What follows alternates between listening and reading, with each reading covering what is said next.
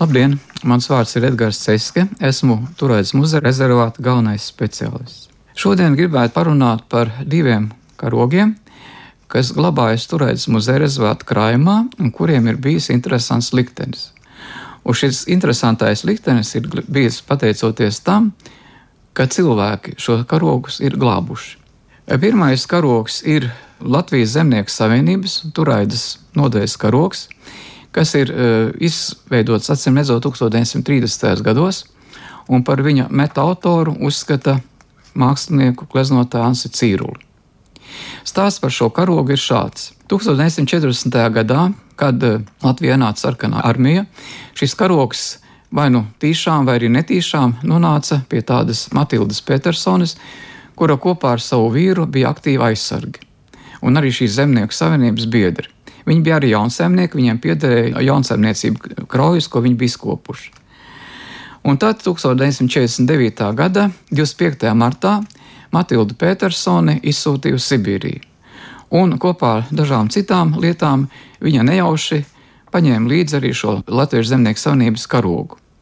Šis karogs izbraukāja Sibīriju, atgriezās atpakaļ. Matilda Petersone pārcēlās uz Rīgu, Viņa glabāja visu laiku šo Latvijas zemnieku savienības karogu pie sevis, bet jūtama, ka viņas eh, mūžs tuvojas noslēgumam, viņa attaicināja pie sevis savu māsas dēlu, pazīstamu vēsturnieku un arheologu Andriu Cauni, un lūdza viņam padomu, ko darīt ar šo karogu. Dedzināt it kā negribās, jo karogs tomēr kā nekā ir Sibīrija izbraukājis. Nu, un Andris Cauni paņēma šo karogu pie sevis, un pēc atmodas laika nu, uzdāvināja šo karogu Turāģis muzeja rezervātam. Un šodien tas ir viens no vērtīgākajiem eksponātiem ekspozīcijā Klaušnieks saimnieks pilsonis ceļā uz Latvijas valsti. Par otru karogu, kurš arī atrodas minēta ekspozīcijā, ir šāds stāsts. Tas ir Latvijas valsts karogs. Un šo karogu savukārt savā privātā mājā, Inciemā, Vecteičos slēpa toreizējais padomju armijas virsnieks Roberts Krastīņš. Šis karogs pie viņa nonāca tādā veidā, kad 40. gadu beigās Roberts Krastīņš mācīdamies, liekas, vidusskolā pat dzīvoja pie kādas sievietes eh, cēsīs, un eh, pēc tam no šīs sievietes šo karogu arī ieguva, un tomēr slēpa savā lauku mājā. Visa ģimene par šo karogu esamību zināja, ka viņš glabājas pirtī zem lāvas, iesaiņots, bet, protams, neviens neko neteica.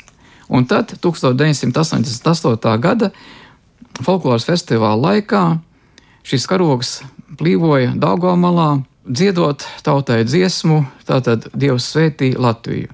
Daila Krastiņa savā atmiņā raksta šādi. Es tagad atceros, ka man mājās ir karogs, es teicu, ka es braukšu pakaļ tam.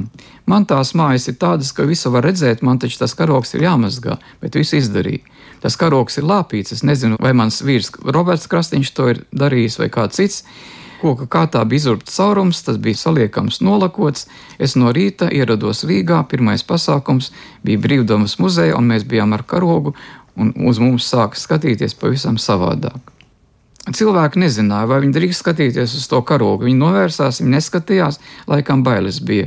Viens vecs vīrs stāvēja ar baltu rozi rokā un pienāca un piesprāda pie karoga šo rozi. Koncerts notika, bija daudz kara dziesmu, tie cilvēki neatvērās.